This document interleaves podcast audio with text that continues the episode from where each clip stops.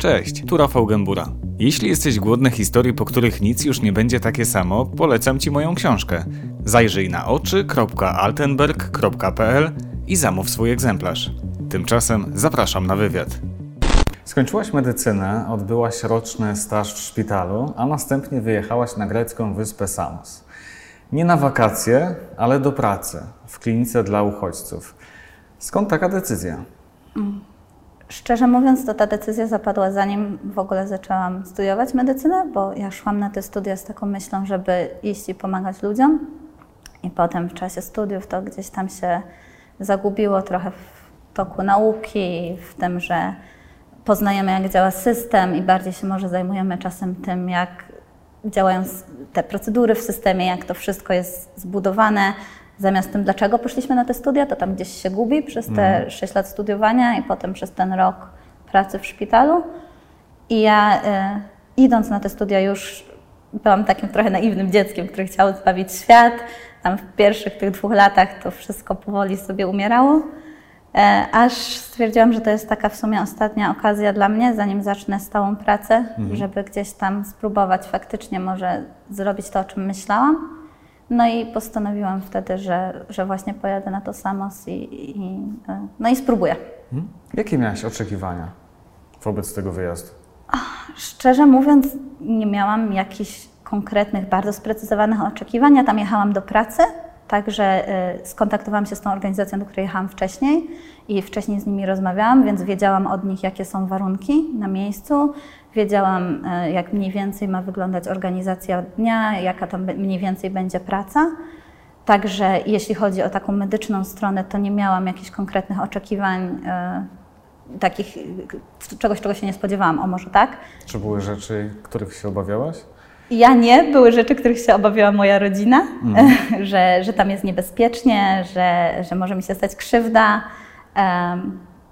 Ja się w sumie nie obawiałam wielu rzeczy, których tak naprawdę z perspektywy, jak sobie myślę, powinnam, powinnam o nich pomyśleć wcześniej, ale tego nie zrobiłam, bo Na myślałam. przykład? Na przykład to, jaka ta praca tam jest obciążająca psychicznie. E, I ilość historii, które się słyszy pracując z takimi ludźmi, e, ciężkich historii, takich trudnych tematów, które oni poruszają, e, na które nie jesteśmy przy, przygotowani. Nie wiem, czy powinniśmy być, bo to nie jest do końca. No, nie jest do końca to, z czym my się spotykamy na co dzień. I, I ja nie byłam na to przygotowana. Myślałam, że jestem, ale, ale to mnie zaskoczyło i, i trochę mnie tam podłamało na miejscu. Mówisz, że twoi bliscy szczególnie cię nie zachęcali e, do tego wyjazdu. No nie, nie szczególnie. E, Co mówili? No, głównie, że to jest niebezpieczne, że, e, że jest jakieś ryzyko, żeby, żeby tam jechać, że e, cała ta wyspa jest właśnie, że, no głównie, że, że jest tam zagrożenie dla mojego zdrowia i życia, co się nie sprawdziło i nie, nie uważam, w żadnym momencie tam nie czułam, że moje zdrowie albo życie jest zagrożone. Jak wyglądała rzeczywistość, jaką zastałaś na miejscu? A więc tak, na miejscu e, ja pracowałam w klinice, która się znajdowała poza obozem w mieście. E, Natomiast e, do samego obozu e, nie wchodziliśmy raczej. Wchodziliśmy do dżungli, która była otoczeniem obozu. Na Samos przed kryzysem uchodźczym znajdował się hotspot na 650 osób, e, ale w tym momencie na Samos mieszka ponad 7300 uchodźców Jak ci ludzie się tam mieszczą? no nie mieszczą się. Fizycznie nie mieszczą się w przestrzeni, która jest dla nich zaprojektowana, więc y, mieszkają w okolicach tego obozu, nie mieszkają w kontenerach, które dla nich były zbudowane, mieszkają w namiotach, w kartonach, czasem bez niczego. E, No i to terytorium, w którym mieszka tak naprawdę większość z tych, z tych ludzi, y, nazywa się dżunglą i my tam głównie przebywaliśmy. E, No i przebywaliśmy w klinice. Nie? Jakie warunki tam e, panowały? No, Warunki są straszne, bo okolica tego, y, tego obozu nie jest w ogóle zaprojektowana do mieszkania. Tam nic nie ma, nie ma żadnej infrastruktury, nie ma, nie ma toalet, nie ma y, sanitariatów, nikt nie wywozi śmieci. E, W samym obozie są, są toalety, ale tam to są dla takiej ilości ludzi to nie wystarcza po prostu. Dla wszystkich kobiet tam są cztery toalety tylko zaprojektowane. To jest strasznie mało. E, Więc są, no higienicznie to jest, to jest koszmarne. Tam nie ma, y, są epidemie wszy, pchły, mieliśmy y, epidemię szczurów, gdzie ludzie przychodzili z pogryzieniami, no, nie mogą się umyć, nie mogą zrobić prania. Na wszystko trzeba mieć bilet, żeby zrobić pranie. Ludzie musieli przyjść do naszej kliniki i musiały być medyczne wskazania co do tego, żeby wybrać sobie ubrania. Czyli na przykład żeby ktoś móc musiał skorzystać mieć, tak, z pralki. Żeby mógł skorzystać z pralki i otrzymać detergenty. Musiał mieć e, wszy albo pchły, e, żeby, żeby to zrobić. Tak samo, żeby wziąć prysznic, e, który nie był prowadzony przez organizację rządową, tylko organizację pozarządową, też musiał mieć wskazanie medyczne i musiał od nas otrzymać bilet. Czyli warunki opłakane. A jak, jak tam wygląda samo życie? Jak ono się toczy? Jakim rytmem? Jakimi problemami żyją tamtejsi ludzie? To znaczy, e, dla ludzi, którzy mieszkają w tym obozie, e, właściwie życie składa się w stania, ze stania w kolejkach, bo oni muszą, e, obóz zapewnia wyżywienie, ale na to wyżywienie trzeba zaczekać, no bo taka ilość osób musi, musi być wyżywiona z jednego punktu, także oni tak naprawdę stoją w kolejce po, po jedzenie, Potem stoją w kolejce po koc albo po jakieś właśnie środki czystości, albo w kolejce do nas do kliniki i potem z powrotem w kolejce po jedzenie. Czyli dzień upływa na czekaniu, na, czekaniu. na staniu w kolejkach. Na czekaniu na bieżące rzeczy i na y, czekaniu na tą ostateczną decyzję, nie? co się z nimi dalej stanie tak naprawdę. Czyli właściwie cały dzień tych osób upływa na oczekiwaniu. Y, a jaka jest ich perspektywa? Na co oni tak właściwie y, czekają? Um. Oni czekają na decyzję e, o przesunięciu na, e, na kontynent, czyli na ten mainland, jak tam oni to nazywają.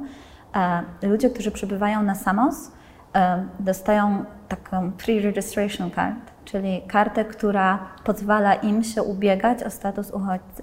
Ale cały proces jest bardzo wydłużony, to jest bardzo dużo biurokracji związane z tym procesem i oni, będąc na Samos, są zamknięci tak naprawdę na tej wyspie i oczekują na to, jaki jest efekt końcowy tego procesu.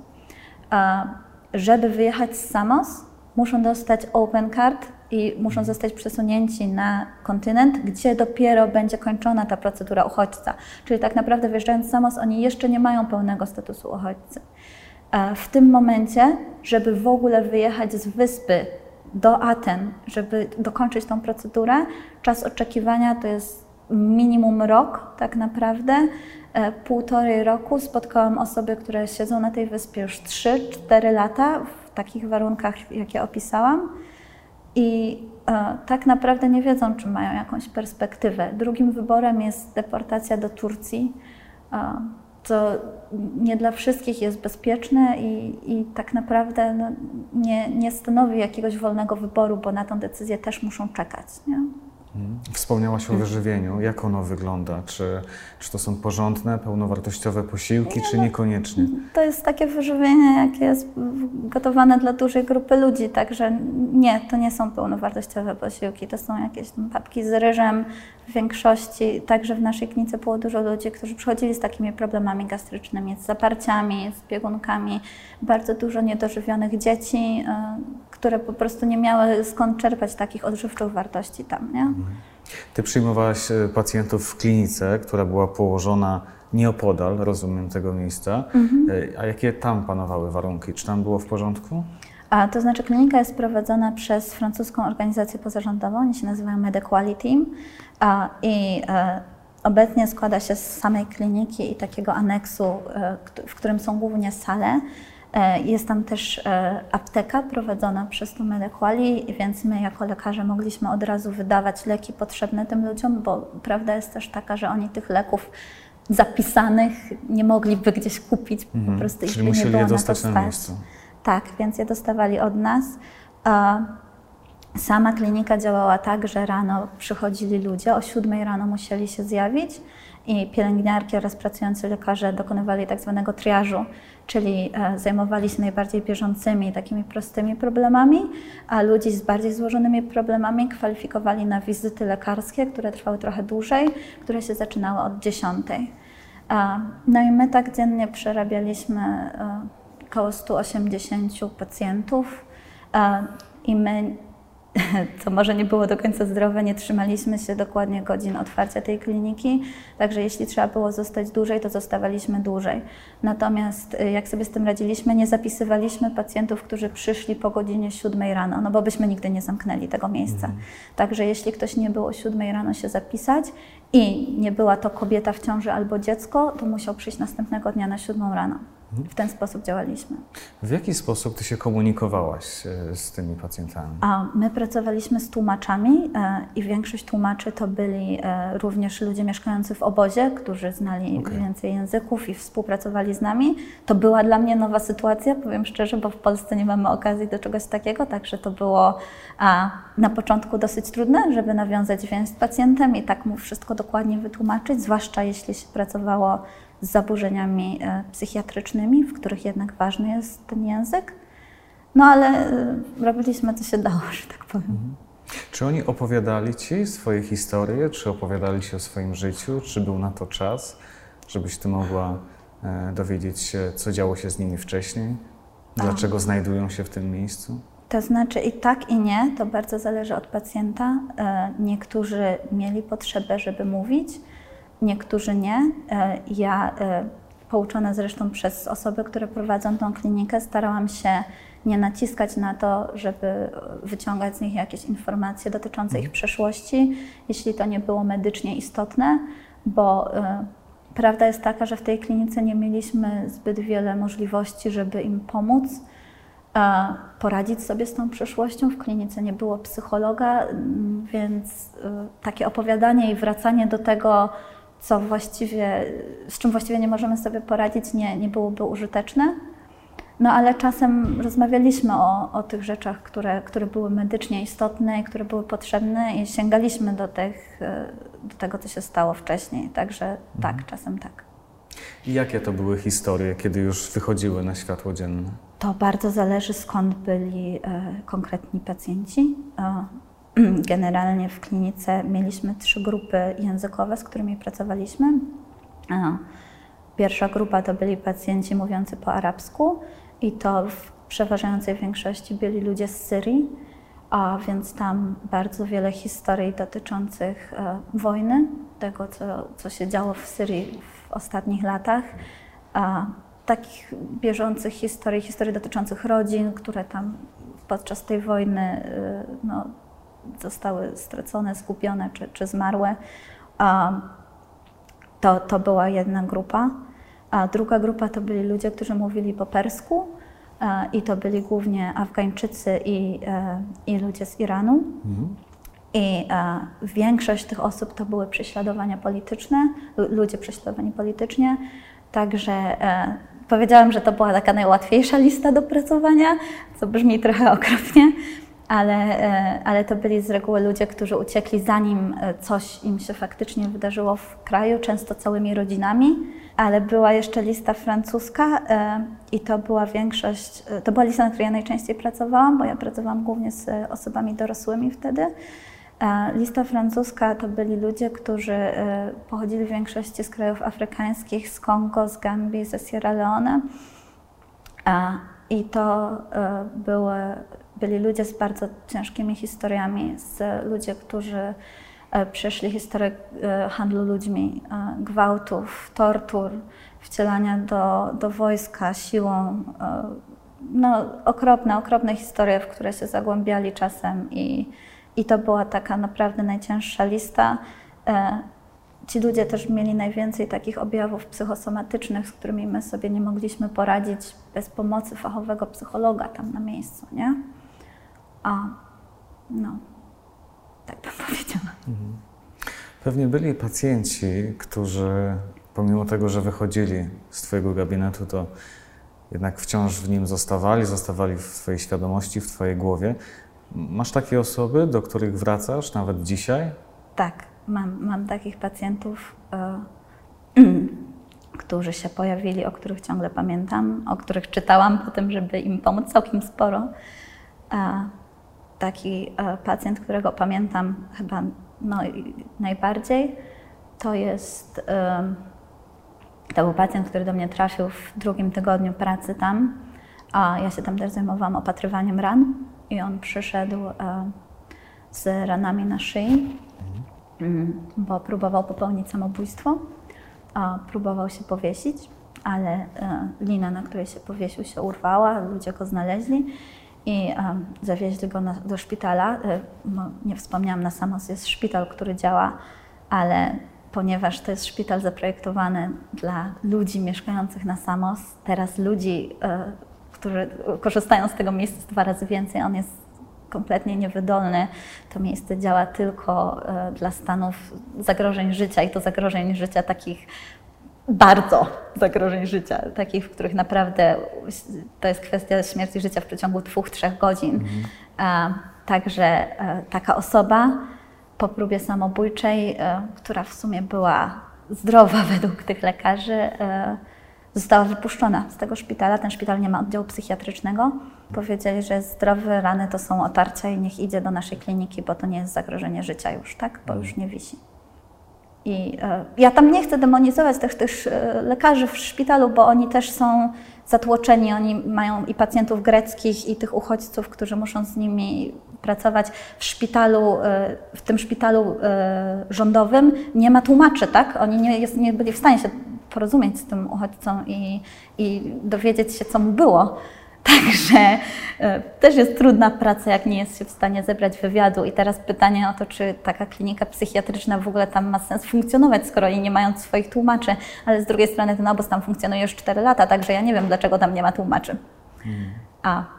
Czy ty masz wiedzę, co stało się z tym pacjentem? A także ten pacjent przyszedł do nas. E, a, ja nie jestem psychiatrą, e, nie byłam za dobra z psychiatrii na studiach.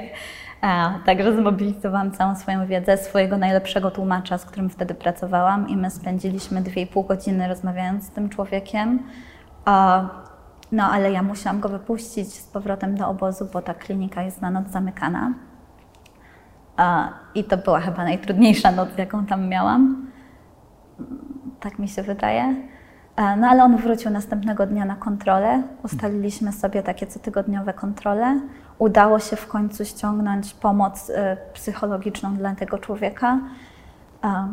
I on, y, jak ja wyjeżdżałam, funkcjonował, przystosował się trochę do tej nowej sytuacji. Nie był w pełni zaadaptowany, bo to nie wydaje mi się możliwe ani zdrowe, żeby się w pełni zaadaptować do takiej sytuacji. No ale, ale mówił, że jest mu lepiej. Spędziłaś tam dwa miesiące. Tak. Mm, zgaduję, że to też był dla ciebie niełatwy czas. Jak ty sobie radziłaś? No, nie radziłam sobie chyba najlepiej na początku, bo jak e, tam pojechałam, to myślałam, że jestem na to przygotowana. Tak jak mówiłam, że przecież wiem, że będą ludzie torturowani albo że będą ludzie, którzy byli zgwałceni, bo to wszystko, ja byłam o tym informowana przez tą organizację. A, ale po tygodniu y, słuchania tych historii zorientowałam się, jakie to jest na, natężenie, jak, jak wiele ludzi ma taką historię tam na miejscu. I trochę zaczęło mnie to przygniatać, tak mi się wydaje. I zaczęłam trochę wątpić w to, czy w ogóle ma sens ta praca tam na miejscu, e, ale y, miałam bardzo fajną ekipę wolontariuszy, która współpracowała ze mną tam i ludzi, którzy przeszli przez to samo tak naprawdę. Przez takie załamanie, tak? Tak. Większość osób tam, e, tak z moich obserwacji przynajmniej, przechodzi bardzo podobną ścieżkę, przyjeżdża taka pełna entuzjazmu, po czym orientuje się, jaka faktycznie jest rzeczywistość i zanim się przystosują do tej nowej sytuacji, no to musi przejść taki, taki kryzys i to nie jeden. E, podczas pobytu tam, ale to pomaga, jak człowiek wie, że są ludzie, którzy przeszli przez to samo i że dalej chcą tam działać i pracować i, i to daje dużą siłę, że coś takiego się, się wie i że są tacy ludzie na miejscu. Mhm. Tak mi się wydaje. Po dwóch miesiącach wróciłaś do naszej europejskiej rzeczywistości. Czego Cię to doświadczenie nauczyło? Czego się dowiedziałaś e, o świecie, o ludziach? Um, nauczyłam się, żeby tak nie patrzeć jednostronnie na ludzi, których tam spotkałam, bo e, nie każdy, kto tam jest, jest e, ofiarą, której ja muszę pomóc i nie każdy jest e, bohaterem, który wszystko przytrzyma i przewalczy i, i dotrze do Europy. są i ludzie słabsi, i silniejsi. Są ludzie, którzy świetnie sobie radzą w tamtej sytuacji i dopasowują się do tego, jak, jak działa obóz i, i jak tam funkcjonować. I są ludzie, którzy zupełnie się nie dopasowują. I są gdzieś tacy też pośrodku, którzy nie, nie umieją funkcjonować, i takich jest najwięcej, jak, jak w każdej społeczności. I wydaje mi się, że to jest bardzo ważne, żeby mówiąc o tych ludziach, mówić o nich jak o ludziach właśnie, i nie stawiać ich w żadnym świetle jednostronnie, żeby pokazać cały przekrój tego, jak, jak ludzie tam funkcjonują. E, I ja się staram, chociaż też nie zawsze mi to y, może wychodzi, ale staram się nie zabierać im tego człowieczeństwa i tego, jak bardzo mogą być zróżnicowani.